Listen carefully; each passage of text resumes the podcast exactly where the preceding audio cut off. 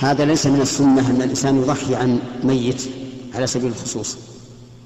السنة أن يضحي الإنسان عنه وعن أهل بيته. وإذا نوى أنها عن أهل البيت الأحياء والأموات ففضل الله واسع لا بأس.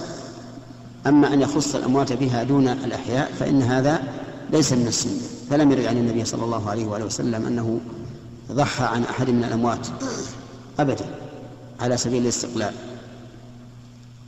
نعم.